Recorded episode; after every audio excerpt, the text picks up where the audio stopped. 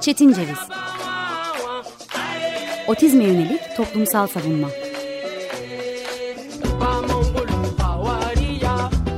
Hazırlayan ve sunan Deniz Yazgan. Merhaba, 95.0 Açık Radyo dinliyorsunuz. Ben Deniz Yazgan Şenay, bugün 28 Haziran 2023 Çarşamba. Kainatın tüm nöroçeşitlerini açık Çetin Ceviz'de iki hafta sonra yeniden bir aradayız.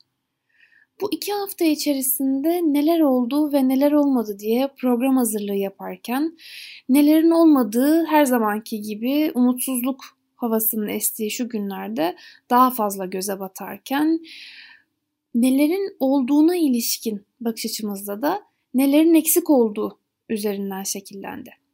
Bu çok zor ve anlaşılması güç cümlenin ardından özel günler bağlamında otistiğin ve nöroçeşitliliğinin Türkiye'de neler yapabildiğini, neler yapamadığını konuşmaya karar verdim bugün. Çünkü bugün 28 Haziran 2023 Çarşamba. Bugünün farklı özel anlamları olabilir ancak bugün Kurban Bayramı'nın birinci günü ve uzun soluklu tatilin yani geçtiğimiz hafta Cuma günü başlayan ve bu hafta pazar akşamına kadar sürecek 9 günlük tatilin ortası. Bu tatilin birçok kişi için mutluluk verici bir anlamı oldu. Herkes tatil beldelerine yığıştı, koşuştu. Özellikle İstanbul'dan Balıkesir'e kadar mola alanlarında 100 metreye aşkın sıraların, kahve çay sıralarının, tuvalet sıralarının olduğu aktarıldı ve 40 bin nüfuslu Akyaka'da bir anda pardon özür dilerim 4 bin nüfuslu Akyaka'da bir anda nüfusun 60 bine çıktığı haberleri sardı dört bir yanımıza. Bu sarış tabii ki kişilerin kıyı hakkı bakımından önemli sayılabilir. Talan kültürünü beraberinde getirmediği sürece kişilerin memleketine, sevdikleri yerlere, keşfetmek için yola çıktıkları yerlere gitmesine herhangi bir şey söylenemez.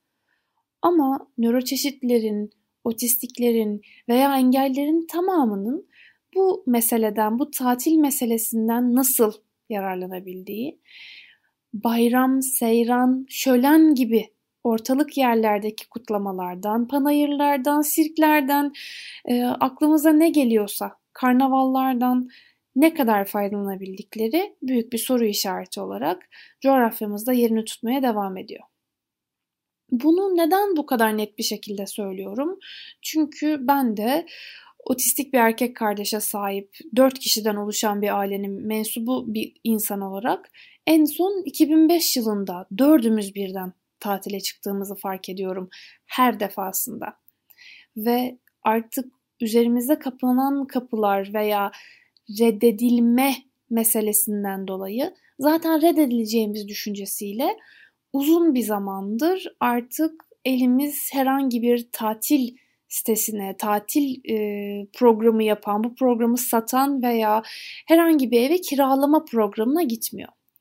Çünkü bu bağlamda kardeşimi, ailemizin bir üyesini yalnız böyle bir durum var diye yansıtmaktansa zaten böyle bir durumu tırnak içerisinde tipik bir insandan daha fazla desibele sahip olan bir bebekten tutunuz da e, engelli bir kişiye kadar istemediğini sitelerinde açıkça beyan edebilen kişilerle de karşı karşıya olduğumuzda veya kısa sürede ve günümüzün de ekonomik koşullarında binbir zorlukla planlanmış bir tatilden mutsuz, öfkeli, daha da yalnız hissederek dönmeme isteğinin artık hiçbir şey yapmamaya eşdeğer olduğunu kendi deneyimlerim üzerinden söyleyebilirim.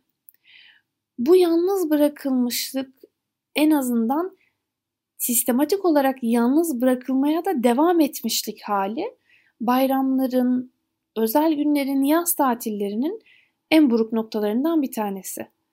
Çünkü özellikle özel eğitim üzerinden ve özel eğitimi fetişleştirerek sürekli devam etmesi gereken bir var olma biçimi olarak dayatan davranışçı sistemi de ele aldığımızda ailelerin neden bunu istediğini, zorlukları görmelerine rağmen yalnızca bu özel eğitimi öğreten kişiye yönelik olduğunu bilmelerine rağmen ve bunu genelleştirememeye yani hayata yaymamaya yönelik e, otistik çocuk ve yetişkin direngenliğine rağmen yaz okullarında da özel eğitimin devam etmesi isteminin otistik genç ve yetişkinin, çocuk genç veya yetişkinin daha doğrusu sosyalleşmeye devam edebilmesi için alınan bir risk, kabul edilen bir eksiklik, bir fenalık hali olarak yorumlandığını da e, yine bireysel deneyimlerimizden veya bu bireysel deneyimler içerisinde e, özel eğitim koridorlarında beklerken tanıştığımız ailelerden de biliyoruz. Bu meseleye biraz daha profesyonel bir yerden bakmak gerekiyorsa eğer engellilik ve kıyı hakkı özellikle artık Haziran ayının sonundaysak ve 30 derece dolaylarındaysa Türkiye genelinde hava kıyı hakkından da söz etmek gerekiyor diye düşünüyorum. Kıyı hakkı aslına bakarsak yalnızca nöroçeşitliliğin bu bağlamda kendine tipik biçimde ifade etmeyen ekoleli ile veya e, otistik nidalar ismini bu programda sevgiyle kullandığımız e, tekrarlayan seslerle ifade eden bir otistiği kabul etmeme haline özgü değil veya zihinsel engele özgü bir halden söz etmiyoruz yalnızca. Aslına bakarsak kıyı hakkı plaja erişim olarak İnsan Hakları Avrupa Sözleşmesi'nin 8. maddesinde yani e, özel yaşamın gizliliği e, hakkı bağlamında defalarca kez ele alınmış durumda. Örnek vermek gerekirse bundan tam 33 sene önce Botta ve İtalya başvurusunda e, pardon 25 sene önceki bir başvuru ancak olay 30 sene önce 33 sene önce oluyor. E, bu olayı örnek gösterebiliyoruz.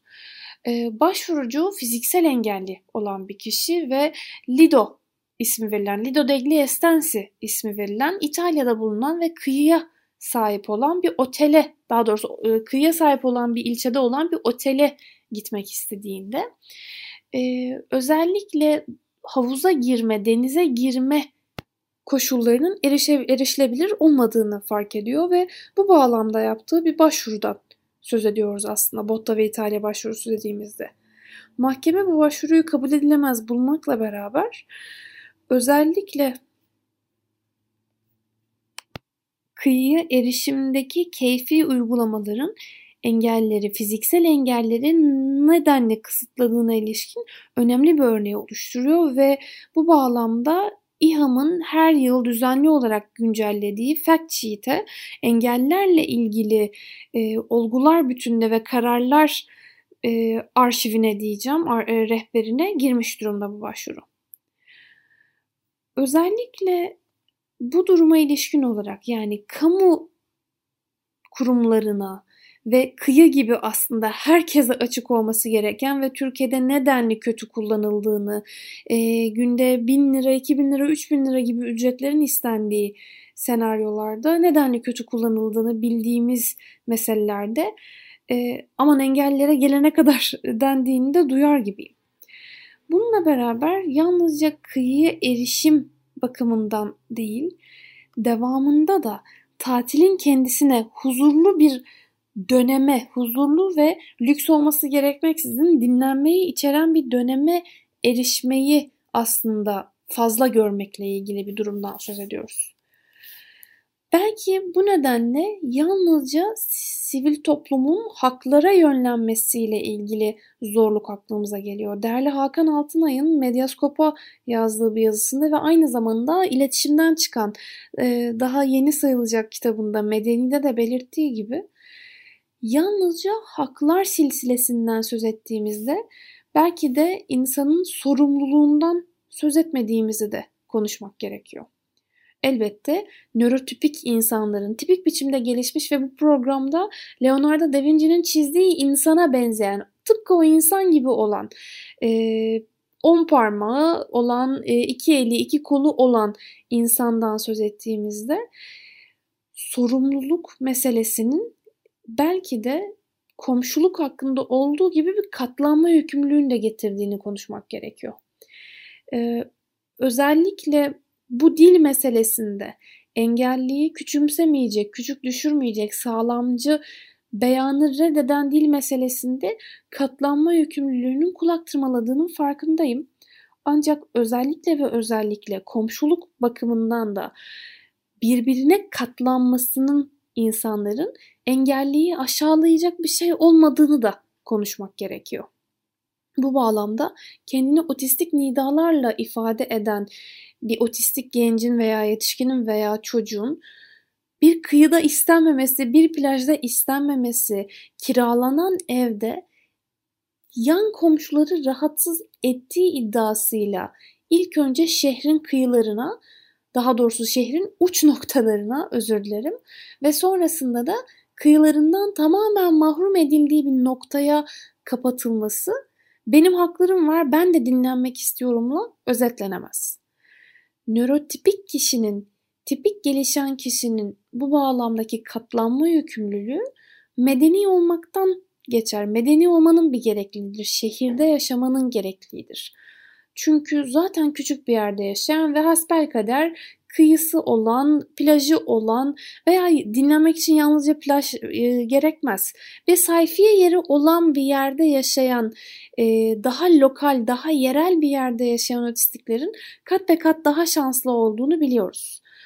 Ancak bununla beraber A noktasından B noktasına finansal zorluklara göğüs gererek gidebilecek olmasına rağmen gittiğinde ayrımcılık göreceğini adı gibi bilen otistiğin, otistik yakınının bu mutsuzluğa sürüklenmesinde yalnızca haklara odaklanmak ve bir toplumda beraberce yaşamanın gerekliliklerine, söz gelimi sorumluluklara çok da kulak asmamakla ilgili olduğunu da aslında açıkça söylemek gerekiyor.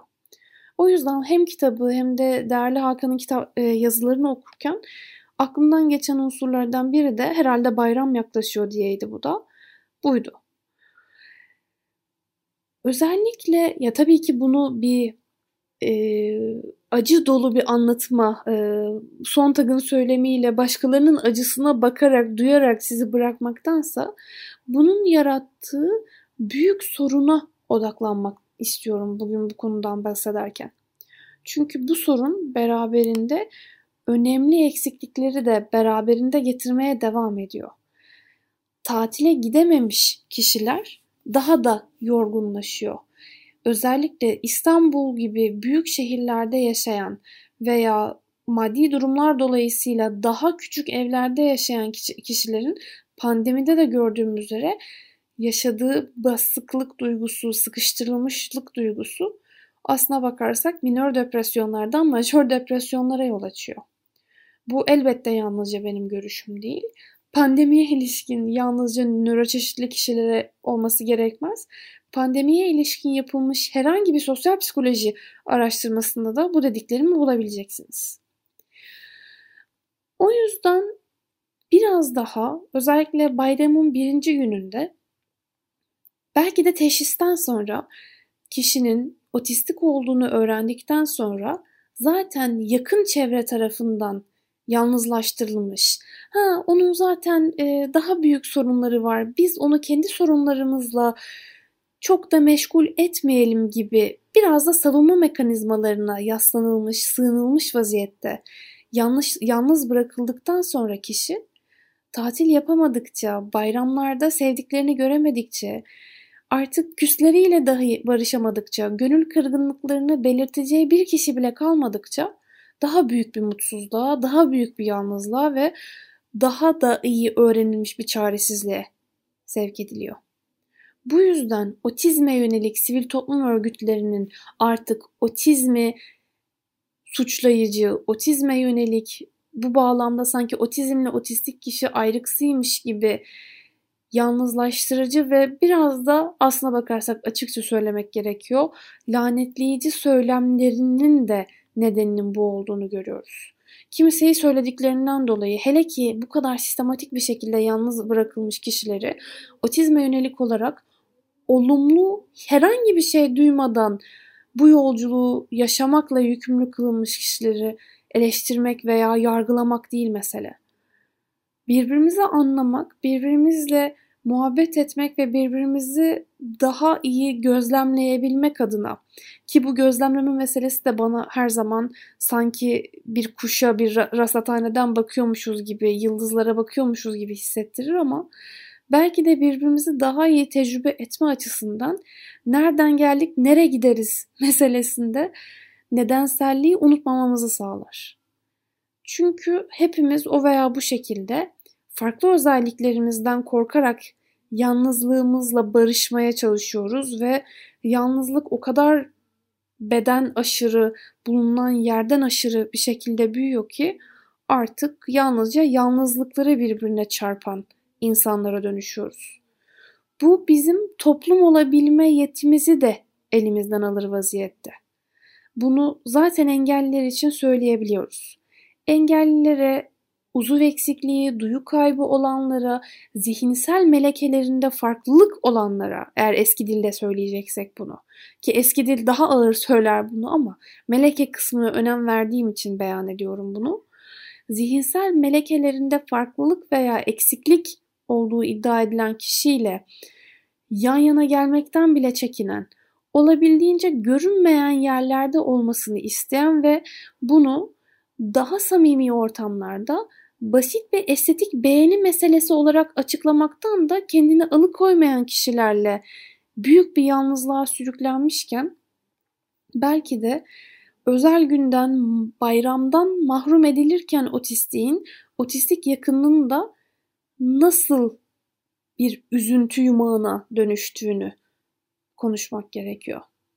Kutlama nörotipik bir şey mi diye sormak gerekiyor.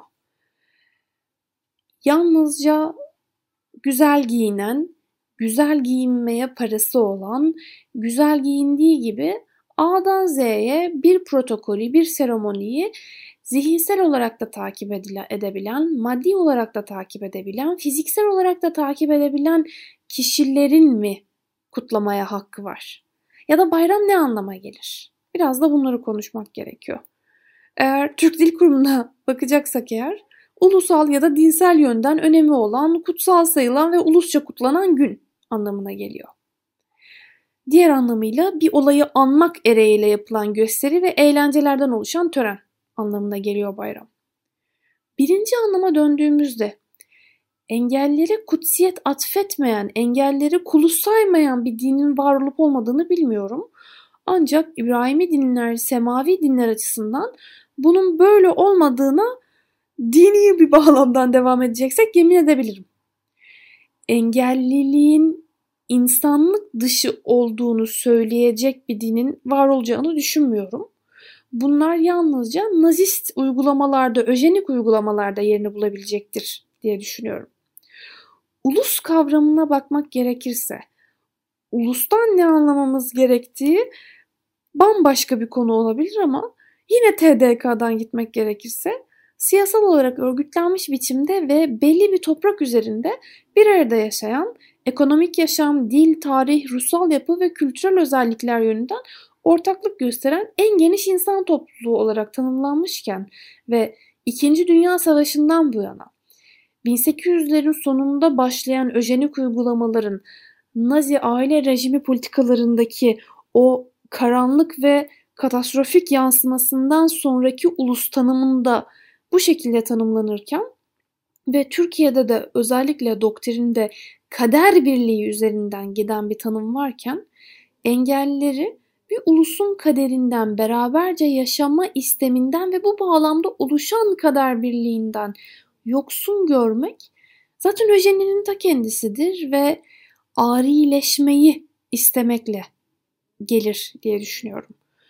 Bu sert bir beyanmış gibi gelebilir ama burada gerçekten artık sorunun görme engelli görmemek, görme engelliyi A noktasından gideceği yere ki bu evi olmalıdır. Fiziksel engelliyi A noktasından gideceği yere ki bu da evi olmalıdır.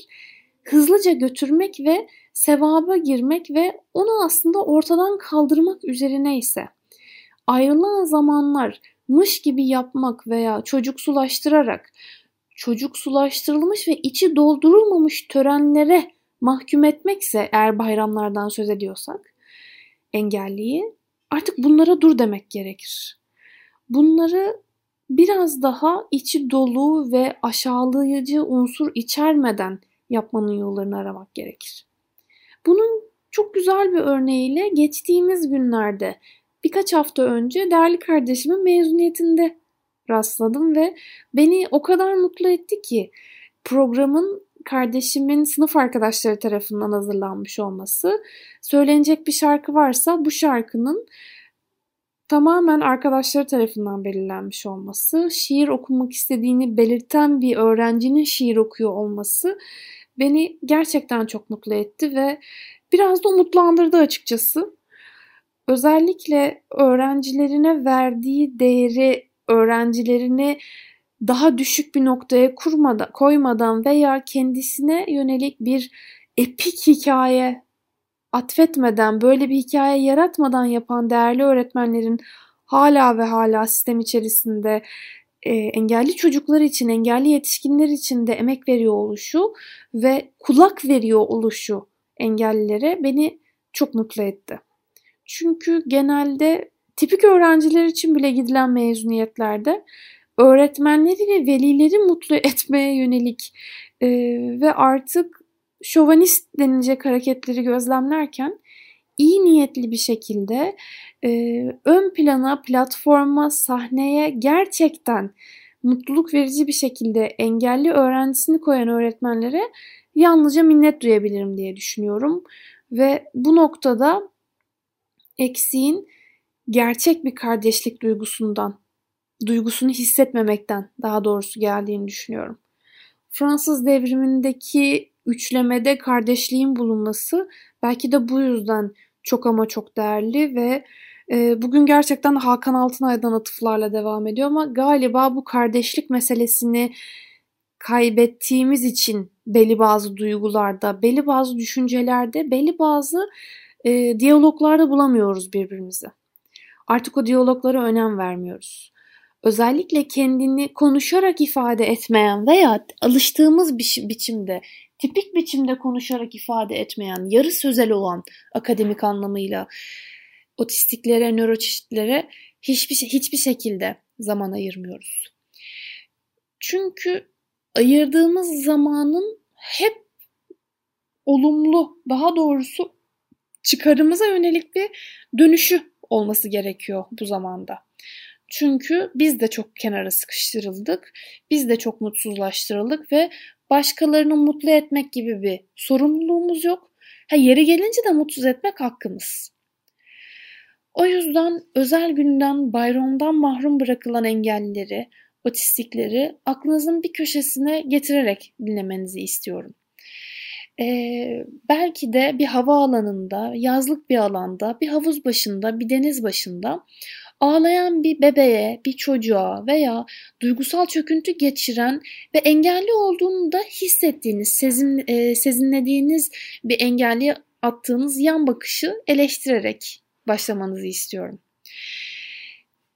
İnanının, inanının, inanın bizler o yan bakışları artık e, görmeden hissedebiliyoruz ve o yan bakışlar dolayısıyla çok sevdiğimiz yakınlarımızı çok güzel ve içi dolu deneyimlerden de mahrum bıraktık. Bu yalnızca bizim vicdanımızda açılan bir yara olmamalı. Sizin vicdanınızda herhangi bir yara açılması değil amacım ama bu siz ve biz dilinden beni de bizi de kurtarabilmek adına bu dönemde, bu bayramda bu çığlıklara ve çocuk seslerine ve yetişkinlerin farklı nidalarına, otistik nidalarına kulak vererek devam etmenizi istiyorum.